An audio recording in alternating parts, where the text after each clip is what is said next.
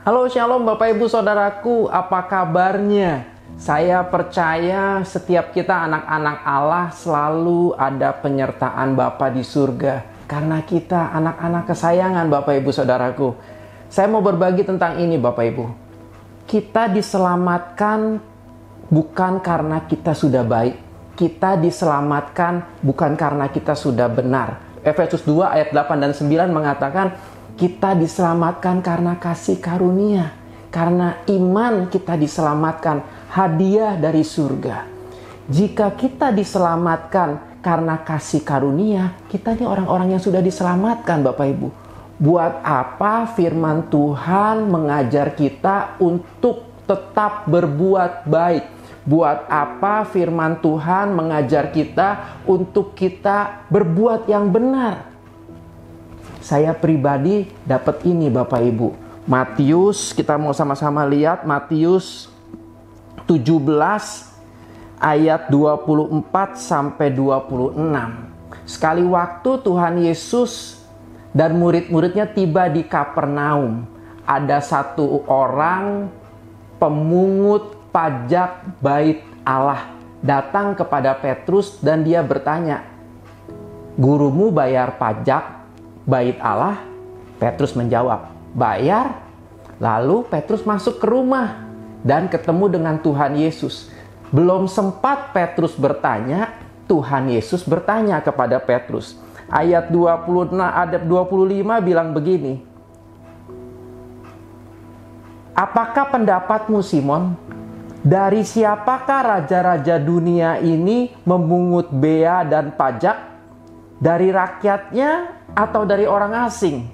Ayat 26, jawab Petrus, dari orang asing. Maka kata Yesus kepadanya, jadi bebaslah rakyatnya. Jadi sampai di sini Tuhan Yesus dan Petrus seharusnya tidak usah bayar pajak bait Allah. Tidak perlu.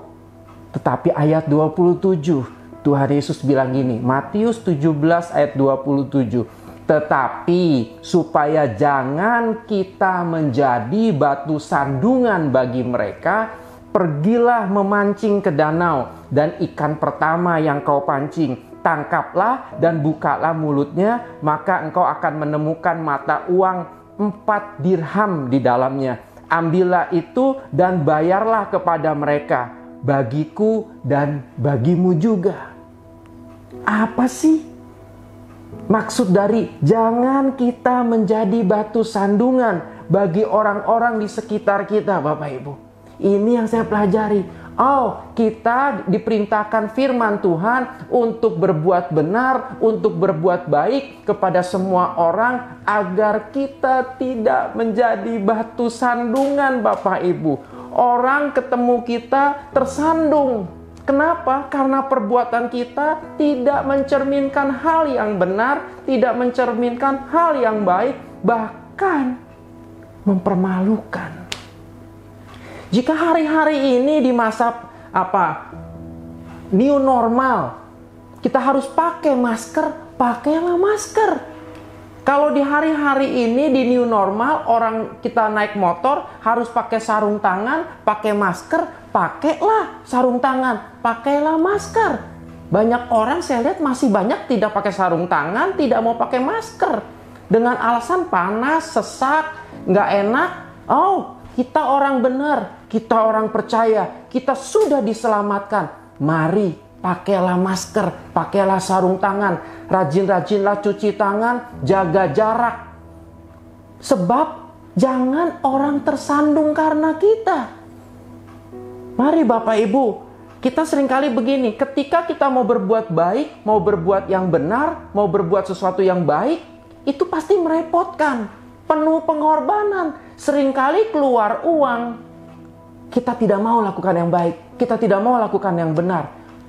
Banyak orang tersandung gara-gara semua itu. Oleh sebab itu firman Tuhan katakan, nggak apa-apa, bayar saja supaya kita tidak jadi batu sandungan. Kalau kita tidak pakai masker, kita tidak pakai sarung tangan, kita keluyuran di mall tanpa pakai masker, tidak ada satu orang pun akan bilang gini, eh hebat lo dia orang Kristen, berani nggak pakai masker. Gak akan Bapak Ibu. Kalau dia tahu kita orang Kristen, dia pasti bilang gini, nggak tahu diri orang Kristen. Sudah seharusnya pakai masker. Kenapa nggak pakai masker? Sudah seharusnya kalau ngobrol pakai jarak. Kenapa berpelukan? Wow, hidup kita jadi batu sandungan. Firman Tuhan jelas ya Bapak Ibu bilang supaya jangan kita menjadi batu sandungan bagi mereka. Kalau kita punya hutang, bayar. Kalau kita pinjam uang, pinjam sesuatu dari orang, kembalikan. Hari-hari ini menjadi sangat penting. Pakai masker, rajin cuci tangan, jaga jarak.